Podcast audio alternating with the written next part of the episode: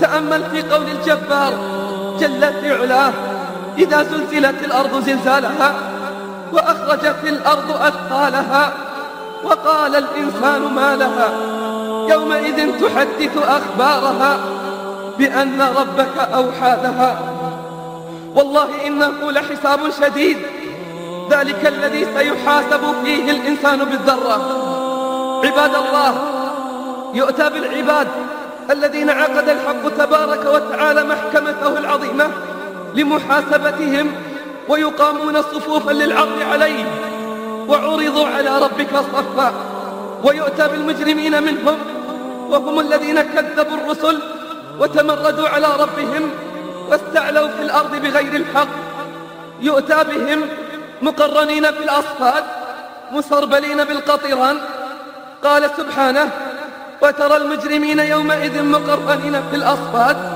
سرابيلهم من قطران وتغشى وجوههم النار. ولشدة الهول في ذلك الموقف العظيم تجثو الأمم على الركب. ولشدة الهول تجثو الأمم على الركب عندما يدعى الناس للحساب لعظم ما يشاهدون وما هم فيه واقعون. قال سبحانه وترى كل أمة جاثية كل أمة تدعى إلى كتابها. اليوم تجزون ما كنتم تعملون. هذا كتابنا ينطق عليكم بالحق. إنا كنا نستنسخ ما كنتم تعملون. وترى كل أمة جاثية كل أمة تدعى إلى كتابها. اليوم تجزون ما كنتم تعملون. هذا كتابنا ينطق عليكم بالحق. إنا كنا نستنسخ ما كنتم تعملون. إنه مشهد جليل عظيم. نسأل الله أن ينجينا فيه بفضله ومنه وكرمه. شعار محكمة ذلك اليوم. لا ظلم اليوم. لا ظلم اليوم. إن الله سريع الحساب. يا عبادي إني حرمت الظلم على نفسي. وجعلته بينكم محرما فلا تظالموا فهو العدل سبحانه. لو عذب عباده جميعا لم يكن ظالما لهم لأنهم عبيده. وملكه والمالك يتصرف في ملكه كيف يشاء فهو العدل سبحانه. لو عذب عباده جميعا لم يكن ظالما لهم فهو العدل سبحانه. لو عذب عباده جميعا لم يكن ظالما لهم لأنهم عبيده وملكه والمالك يتصرف في ملكه كيف يشاء.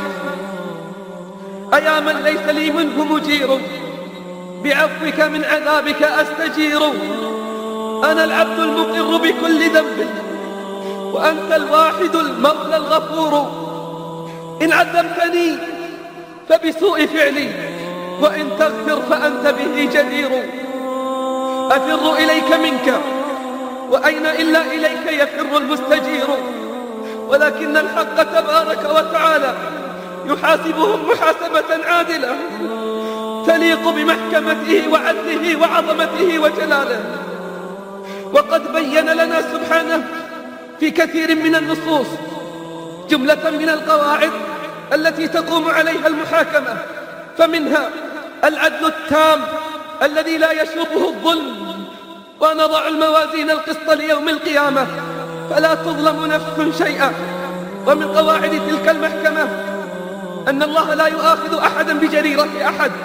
قال سبحانه ولا تزر وازرة وزر أخرى بل كل نفس بما كسبت رهينة. ومن تلك القواعد أيضا إطلاع العباد على ما قدموه من أعمال. يوم تجد كل نفس ما عملت من خير محضرا. وما عملت من سوء. تود لو أن بينها وبينه أمدا بعيدا. يوم تجد كل نفس ما عملت من خير محضرا. وما عملت من سوء. تود لو أن بينها وبينه أمدا بعيدا. ويحذركم الله نفسه. والله رؤوف بالعباد ومن قواعد المحاكمة في ذلك اليوم إقامة الشهود على الكفرة والمنافقين والفجرة.